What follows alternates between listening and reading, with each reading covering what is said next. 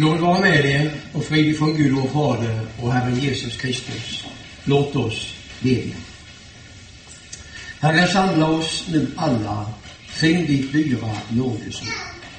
Likt ett vårregn, låt det falla på vårt hjärtas torra jord. Värdes oss din ande sända och din eld ibland oss tända. Mätta ljuvligt i elända. Herre, vid ditt rika bord. Jag så ber vi i Jesu, vår frälsares namn. Amen.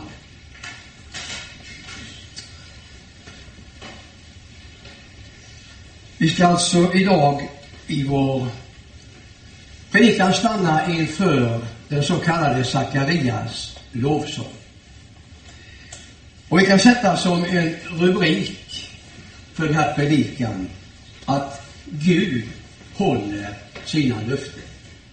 Gud håller alltid sina löften. Och det behöver vi inte läsa särskilt mycket i den heliga skrift för att kunna konstatera. Profetier givna sedan länge, länge tillbaka i tiden uppfylls. Den ena efter den andra. Och så också löftet om Johannes döparen. Nu var det tid för honom. Sakarias lovsång. Ja, varför, varför en lovsång av Sakarias? Ja, då får vi göra en liten tillbakablick och ta reda på lite vem den här Sakarias var. Eh, var alltså präst och det var väldigt många präster som tjänstgjorde i templet. Men man hade en lottdragning om vem som skulle få gå in och tända rökelseoffret i templet. Och det var alltså så många präster så att den här tjänsten kunde bara få utföras en gång av varje präst i livet. Och vid det här tillfället så faller lotten på Sakarias. Och han går in och ska tända rökelseoffret.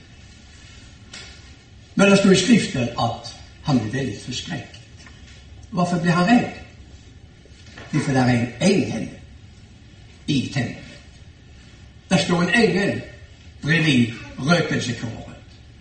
Och ni vet när människor träffar eh, änglar så blir de rädda. På ställe efter ställe i skriften så ser vi hur människor blir förskräckta när de möter änglar.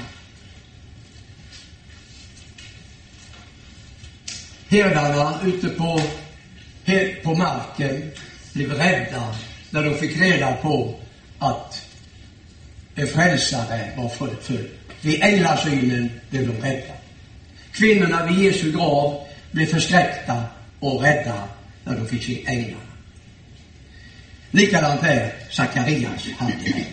Men du ska inte vara rädd, säger ängeln. Och han presenterar sig, den här ängeln. Jag är ängeln Gabriel.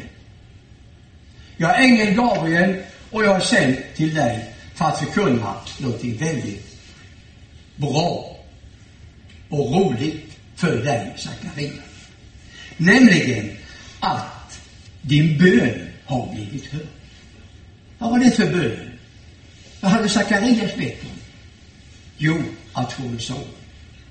Sakaria och hans hustru Elisabet var ju barnlösa. Och de hade kommit upp i den åldern då man inte brukar få barn. Den tiden var egentligen förbi. Var inte rädd, säger Gabriel. Din bön har blivit hörd. Din hustru Elisabet ska föda en son åt dig och du ska ge honom namnet Johannes.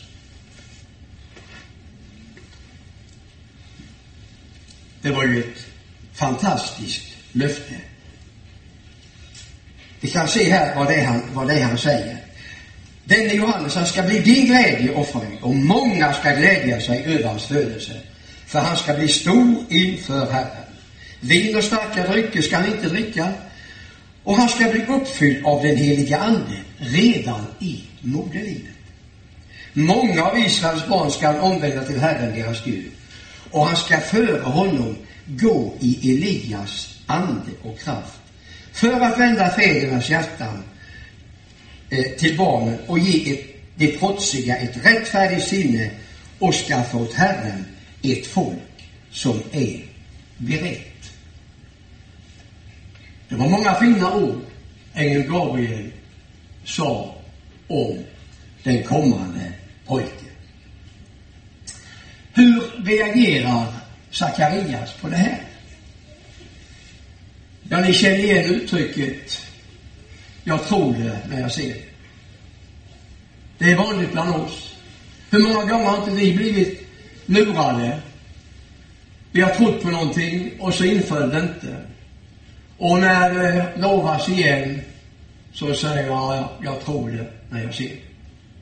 Politikerna avger vallöften och så blir de valda och så blir inte löftena infriade. Och så är det en ny valturné till nästa val och så lovar man vi ska göra det och det om vi kommer till makten. Och då säger vi, ja, ja, jag tror det när jag ser det. Eller vi har vänner och bekanta som kanske har svikit oss flera gånger, men de lovar bot och bättring. Ja, jag tror det när jag ser det. Som min gamla mamma brukade säga, man lovar runt men håller tunt. Man lovar runt men håller tunt. Jaha. Hur reagerade ängeln på det här då? Du ska bli stor. Det är beskedet han nu får, Sakarias. Du ska bli stor. Därför att du inte trodde vad jag sa. Och det ska du vara fram till den dagen då mina ord går i uppfyllelse. Och du ska få din son. Så går tiden och sonen kommer. Det var nog glädje hos Johannes och Elisabet. Och nu är det ju dags för omskärelse på den åttonde dagen. Och släkt och vänner har kommit samman och vill vara med vid denna högtid. Och så ska han ju då ha ett namn. Och släktingarna, de frågar, vad ska han heta nu då? Jo, säger Elisabet, han ska heta Johannes. Åh, bevares väl. Det finns ju ingen i hela er släkt som heter så. Han ska väl heta Sakarias efter sin far. Vi har ju det så ofta att vi försöker få in våra namn i våra ättelägare. Men här handlar det inte om det. Ja, frågar vi Sakarias då, den stumme, och han begär att få en fader, och han skriver Johannes är hans namn. Punkt och slut. Johannes är hans namn. Och det var det namn som ängeln Gabriel hade sagt att han skulle heta. Och nu upphör hans stumhet. Och nu börjar alltså Sakarias lovsång. Det står att Sakarias blev uppfylld av den helige Ande och profeterade. Han profeterar. Att profetera är att utlägga någonting som ska komma. Och vad är det han börjar profetera om? Det är inte Johannes. Han börjar inte tala om det lilla barnet som han håller i famnen. Nej, han säger att välsignad är Herren Israels Gud som har besökt och återlöst sitt folk han har rest för oss frälsningens ord i sin tjänare Davids hus. Vem talar han om? Jo, han talar om Messias. Han talar om den utlovade Messias. Och lägg märke till att han använder ord som talar om att det har skett. Han har besökt. Han har återlöst sitt folk. Sakarias har redan sett vad som hände med Jesus, hans verk. Precis likadant som profeten Jesaja 700 år innan kunde berätta om Jesu ställföreträdande lidande för oss. Så ser Sakarias löftena uppfyllda i Kristus. Ett frälsningens horn. Horn är symbolen för kungar. Symbolen för styrka. Messias har styrka. Han har all makt i himmelen och på jorden.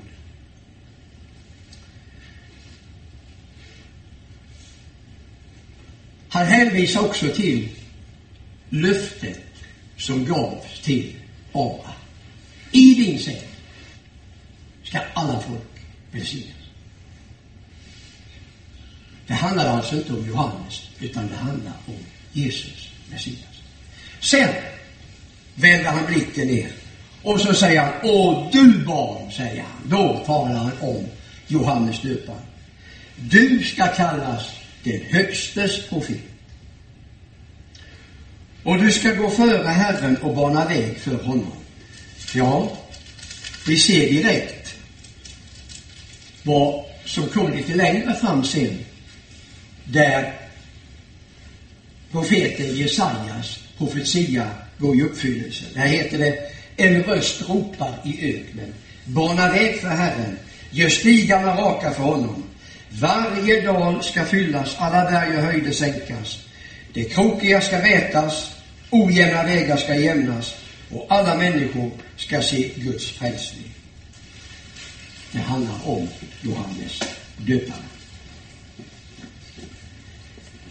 Den Johannes döparen, han skulle vittna om den kommande Messias. Det var hans uppdrag. Han skulle bereda vägen för folket. Och han sa, se Guds land som tar bort världens synd vid Jesu död.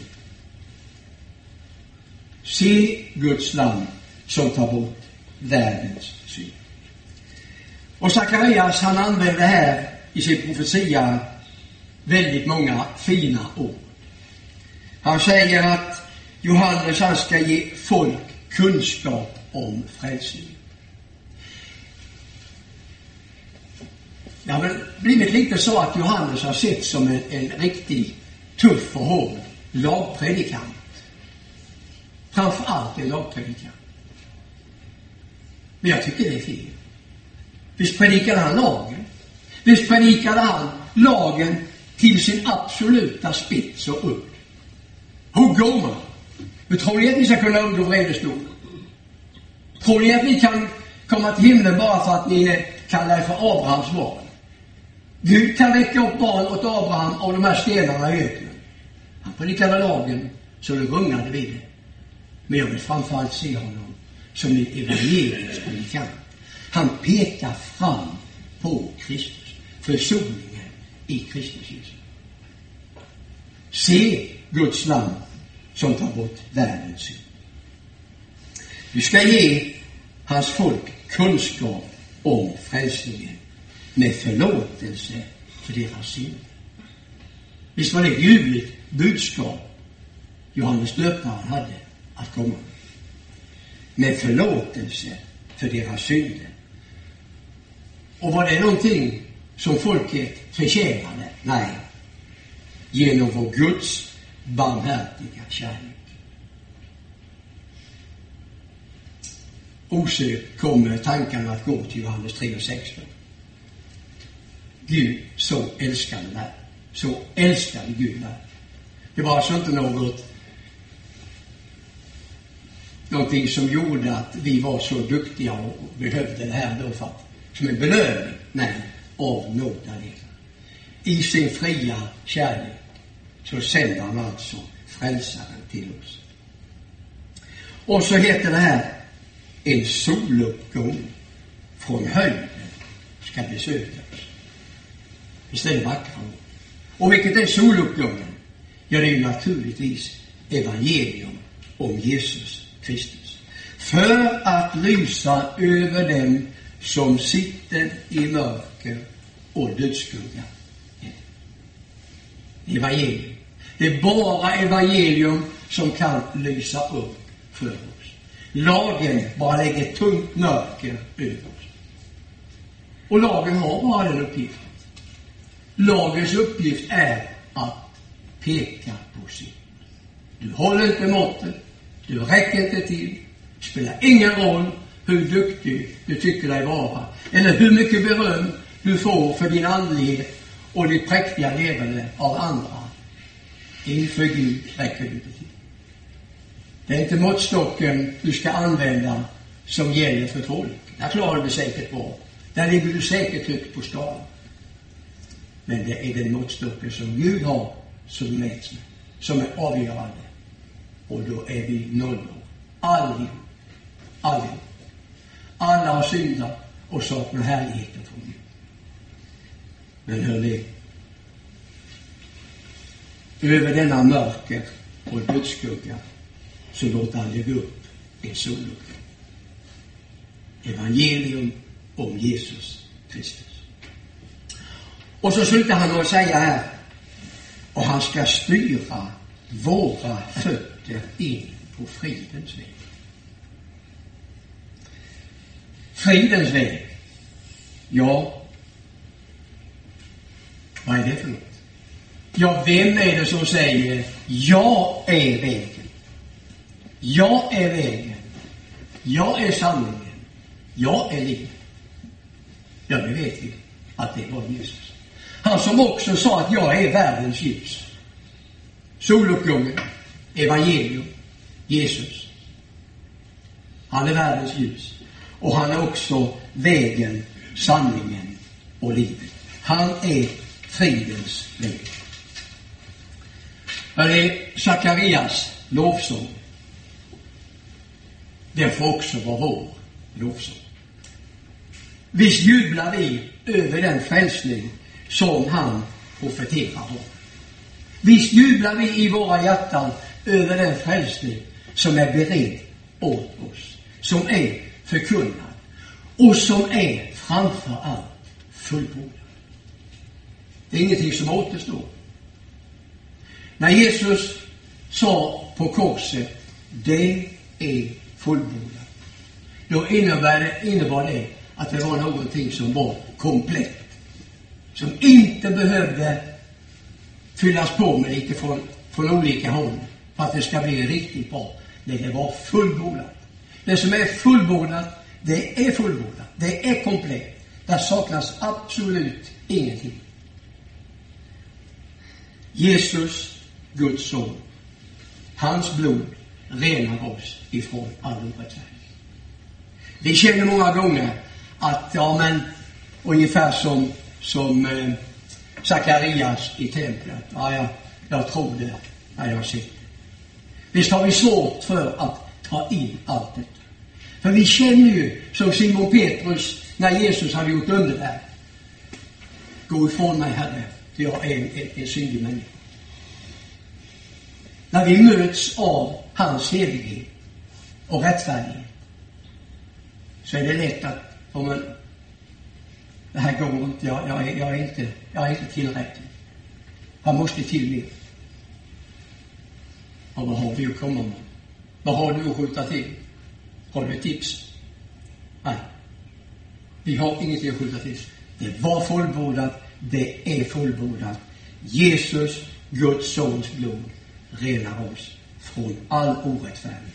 Det var i grunden Johannes döparens predikan och det ska vara vår predika. Lovat vara Herrens namn. Amen. Jag lovar vara Gud och välsignad i evighet. Som med sitt ord tröstar, lär, förmanar och varnar oss. Hans helige Ande stadfäster ordet i våra hjärtan så att vi inte blir glömska hörare utan dagligen tillväxer i tro, hopp, kärlek och tålamod till änden och blir saliga.